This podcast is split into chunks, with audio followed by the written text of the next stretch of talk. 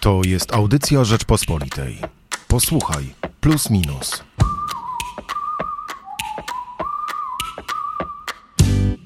W najnowszym plusie minusie zastanawiamy się nad tym, dlaczego pod ostrzałem znalazła się ostatnio policja. W, róż, w, różnych krajach, bo przecież w Stanach Zjednoczonych protesty Black Lives Matter wymierzone są właśnie w służby porządkowe, ale w Polsce, e, szczególnie jak ostatnio cała Polska stała się e, ostatnio żółtą strefą i wszyscy musimy chodzić po ulicach w maseczkach, e, ta policja no, też nie zawsze jest odbierana pozytywnie przez nas. Michał Płociński i Michał Szułdrzyński. No właśnie.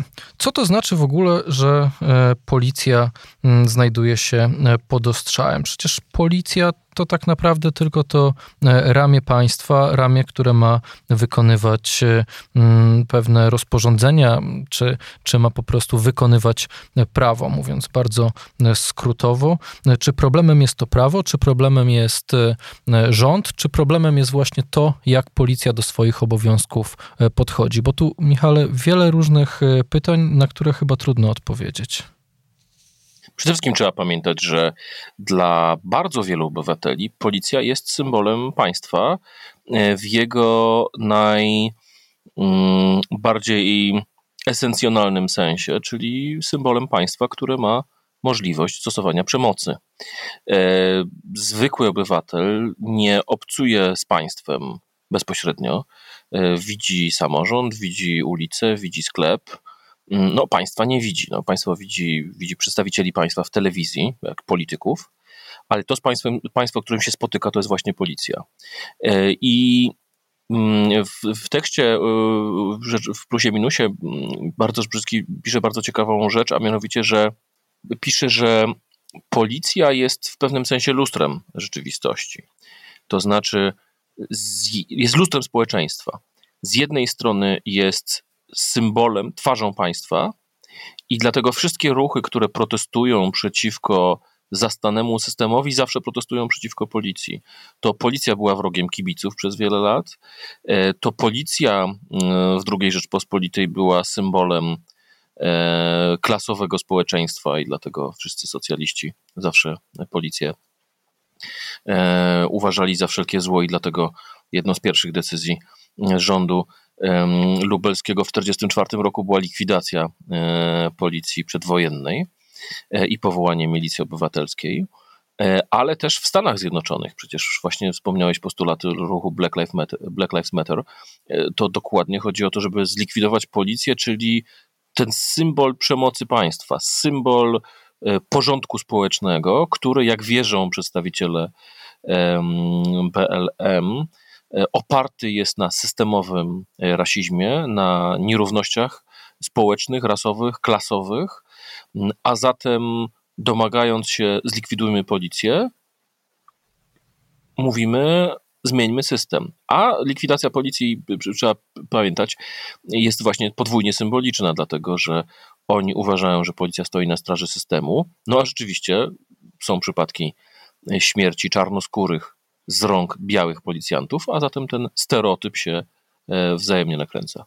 O sytuacji w Polsce pisze za to Aneta Wawrzyńczak. W tekście W oku maseczkowego cyklonu przygląda się naszej polskiej debacie na temat e, noszenia maseczek. E, policja no, znalazła się rzeczywiście w tym oku maseczkowego cyklonu, bo to od policjantów zależy, jak będą zachowywać się w stosunku do ludzi, którzy tych maseczek nie noszą. I tutaj jest jedna ciekawa rzecz, że z jednej strony sami policjanci, czy e, policjanci już tacy wyżej w hierarchii, służby, czy, e, czy, czy, czy policjanci, z którymi rozmawiała po prostu Aneta, twierdzą, że raczej problemu nie ma, że raczej e, ludzie oczekują od nich, że będą zachowywać się ostro, że im przyklaskują, że sami Polacy podchodzą poważnie do obowiązku maseczkowego, a z drugiej strony, jak Aneta Wawrzyńczak rozmawiała z tak zwanymi antymaseczkowymi aktywistami, ludźmi, którzy uczestniczą bądź, bądź organizują antymaseczkowe masowe protesty,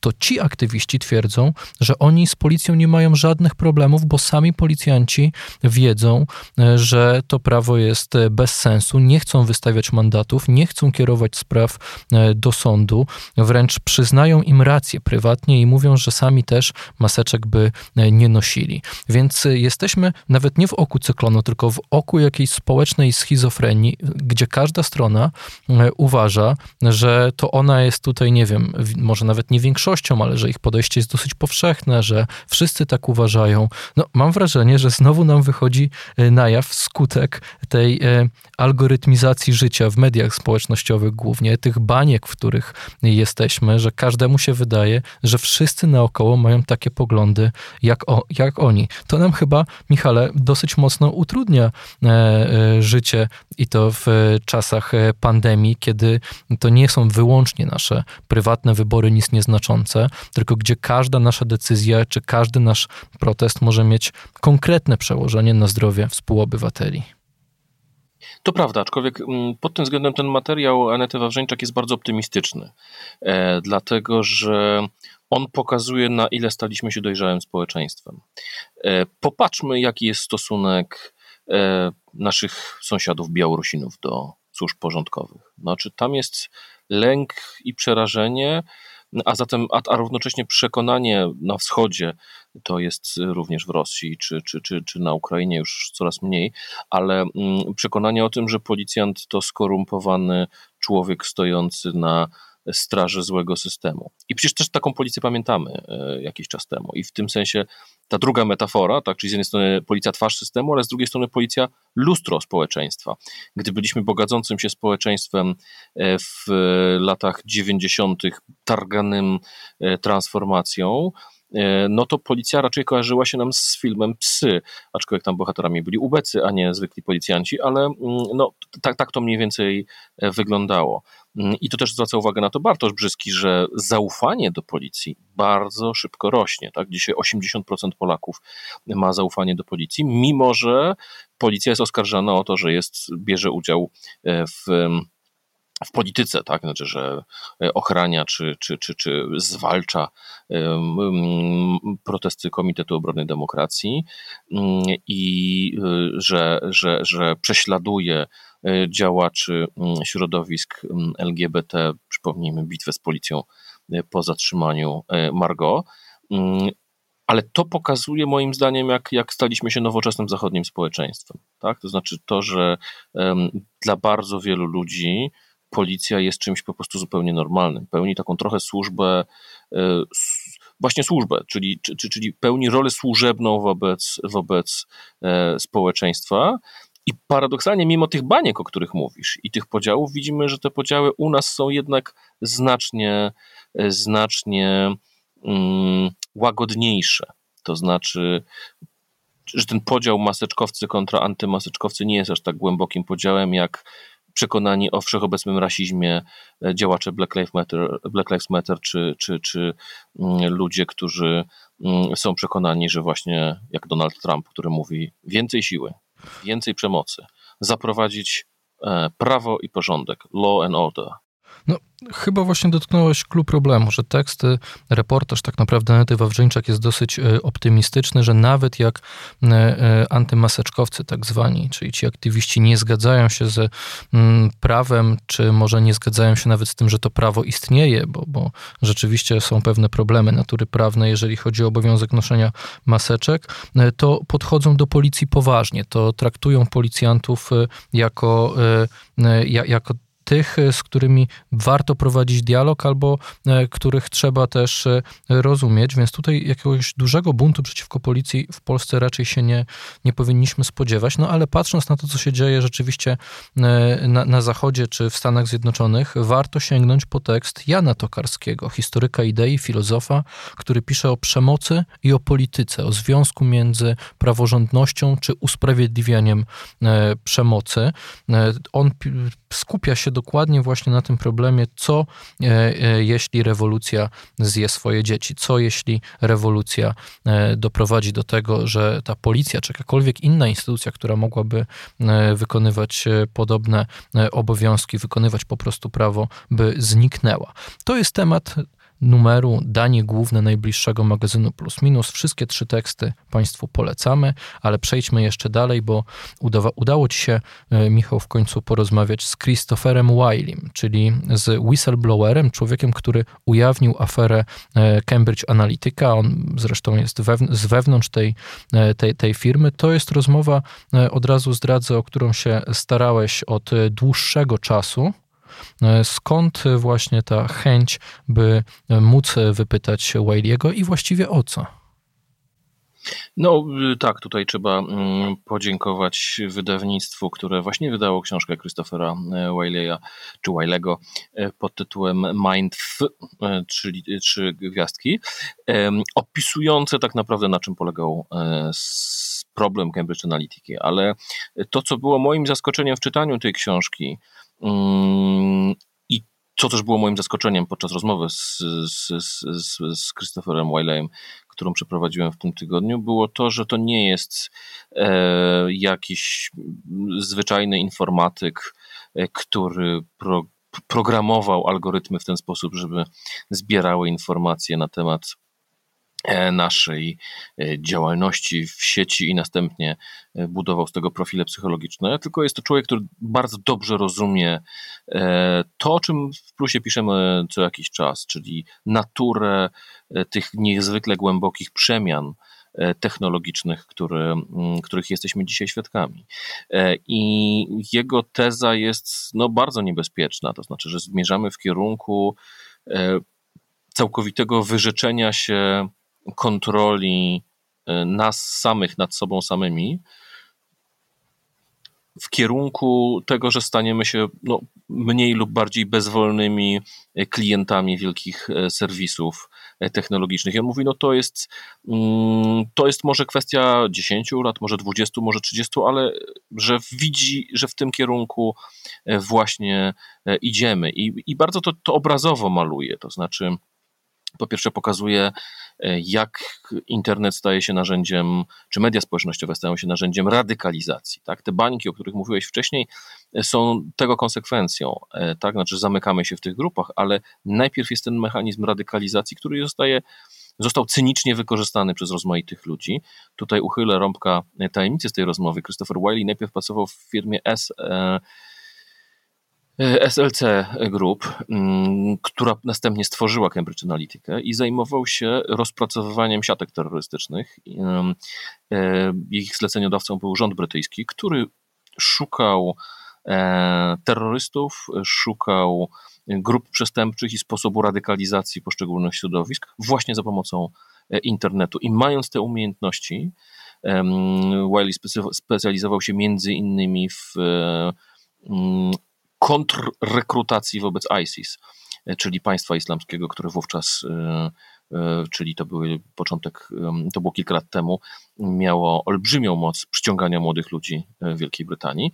Obserwował mechanizmy, jak, zostało, jak sieć była wykorzystywana przez rekruterów ISIS do, do radykalizacji i chciał temu przeciw, przeciw, się przeciwstawić. No, takie było zadanie firmy która następnie została przejęta przez Steve'a Bannona, zasilona pieniędzmi przez Boba mm, Mercera, amerykańskiego miliardera, fana Donalda Trumpa, który wlał w tę firmę 20 milionów dolarów i następnie firma ta posłużyła do niezwykłej operacji psychologicznej na amerykańskim społeczeństwie, polegającym właśnie na e, polaryzowaniu, na radykalizowaniu, na konfliktowaniu społeczeństwa i rozsiewaniu alt-prawicowych, czyli alt-rightowych treści, mm, gdy będący liberałem e, Christopher Wiley zorientował się, e, co się dzieje z firmą, postanowił najpierw odejść z tej firmy, ostrzec administrację Baracka Obamy, których przedstawicieli znał, ponieważ pracował przy kampanii Obamy w 2008 roku, a gdy mleko się rozlało, zdecydował się na kontakt z prasą były to New York Times i The Guardian, które ujawniły czym tak naprawdę była Cambridge Analytica i jaką rolę pełniła w wyborach amerykańskich i podczas Brexitu. Ale to, co mi się wydało ciekawe w tym, to znaczy, że on nie skupia się wyłącznie na polityce, na tym, że się społeczeństwa radykalizują, ale pokazuje, no weźcie przykład COVID-u. COVID pokazuje, że to nie jest kwestia tego, że wygra jedna partia czy druga partia. COVID pokazuje, że mm, media społecznościowe, algorytmy dążące do sensacji, algorytmy, które tak naprawdę niezwykle sprzyjają dzisiaj teoriom spiskowym, po prostu zagrażają naszemu zdrowiu i życiu. To już nie jest kwestia tego, czy ktoś dobrze wybierze prezydenta, czy źle, tylko to jest kwestia tego, że ktoś przeczyta jakąś głupotę, um, uwierzy w jakąś spiskową teorię i e, uzna, że na przykład koronawirusa należy leczyć pijąc wybielacz. Ale nie tylko o teoriach spiskowych Wiley w tym wywiadzie opowiada.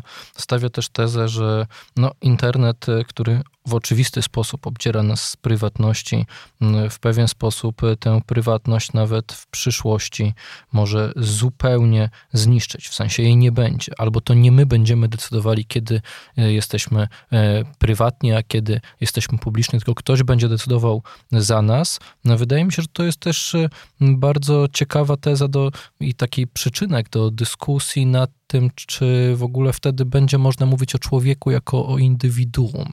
O czy człowiek bez prywatności, bez możliwości podjęcia decyzji, kiedy, jak się zachowuje i w co się angażuje, bez możliwości takiego odcięcia się od innych, czy człowiek wciąż pozostanie człowiekiem, prawda? I tutaj muszę powiedzieć, właśnie było moje największe zaskoczenie podczas rozmowy z Wileyem. Znaczy, on się pokazał człowiekiem naprawdę głęboko rozumiejącym e, takie problemy antropologiczne, tak? no bo tutaj do, dotyka sedna tego, czym jest ludzka osobowość, czym jest ludzka tożsamość i mówi, że prawo do prywatności to nie jest coś, że ja chcę ukryć przed innymi coś złego, co robię, a jak nie robię nic złego, to nie mam co mówić o prywatności. Nie, on mówi, że ludzki rozwój, rozwój ludzkiej osobowości polega na tym, że pewne cechy w sobie e, chcemy kultywować, a pewnych cech chcemy się pozbyć, pewne rzeczy chcemy zapomnieć. A algorytmy nie chcą, żebyśmy o, o czymś zapomnieli, i w tym sensie one uniemożliwiają rozwój naszej osobowości i nieustannie katalogując nas w jakiś sposób ze względu właśnie na nasze cechy e, psychologiczne, prowadzi, że tak naprawdę to nie my jesteśmy odpowiedzialni za swój rozwój osobowościowy, tylko że ten proces jest kierowany z zewnątrz i tutaj on widzi bardzo duże ryzyko i wzywa do e, wprowadzenia regulacji. I to też bardzo ciekawa myśl. Mówi, że to jedyny sektor, który ma tak wielki wpływ na świat, który w ogóle nie jest w żaden sposób regulowany. Jak budujesz samolot, samochód albo dom, to nim go zbudujesz, musisz plany pokazać odpowiedniemu urzędowi, nim zrobisz samolot, musi, nim samolot zostanie dopuszczony do użytku, musi przejść liczne testy, a możesz napisać program, algorytm, który zmieni życie miliardów ludzi na Ziemi i nikt e, w ogóle e, nie będzie uznawał Twojej odpowiedzialności za to, co zrobiłeś. No i to jest właśnie problem, o którym, jak wspomniałeś, piszemy bardzo często w plusie minusie, czyli o tym, że algorytmy, media społecznościowe, wszystko, co jest efektem tej technologicznej rewolucji, e, no niestety bardzo mocno odbija się na człowieku, bardzo mocno wyciąga z naszej natury te najgorsze cechy i nie pozwala nam sobie z tym radzić. Niszczy kulturę, niszczy cywilizację, która starała się nad tą niedoskonałą przecież ludzką naturą w jakiś sposób zapanować, a co więcej, nie pozwala nam indywidualnie z tymi naszymi e, złymi cechami e, sobie e, radzić. Jest też inny temat w najbliższym plusie minusie, w najnowszym magazynie Plus Minus, o którym często pisze piszemy, ale bardzo ciekawie odnosi się do niego Katarzyna Nowicka. Problem sekularyzacji, problem odejścia od e, swoich korzeni, e, jaki, z jakim zmaga się e, Europa czym może skutkować na przykład kryzys demokracji liberalnej, obecny powrót do polityki tożsamościowej. To jest trochę też takie odniesienie się do znakomitego tekstu, jaki przed e, rokiem e, pisał w magazynie Plus Minus e, amerykański konstytucjonalista Joseph Weiler. Zresztą Katarzyna Nowicka, czyli prawniczka, socjolożka, doktorantka na Wydziale Prawa w Europejskim Instytucie Uniwersyteckim we Florencji, do samego Weilera i do jego pracy się odnosi. Jak bylibyście Państwo zainteresowani problemem sekularyzacji i też szukaniem pewnych pozytywnych rozwiązań, a nie tylko narzekania na to, że, że Europa odchodzi od Boga, to bardzo polecam tekst Katarzyny Nowickiej Wypierane dziewictwo, Europa w odwrocie. No i w ogóle chyba, Michale, zachęcamy do mm, otwarcia strony www.rp.pl albo do przejścia się do kiosku w sobotę po najnowszego plusa minusa. Zapraszamy. Michał Płociński. I Michał Szułdrzyński. Do usłyszenia. Do usłyszenia. Słuchaj więcej na stronie podcasty.rp.pl. Szukaj Rzeczpospolita Audycje w serwisach streamingowych.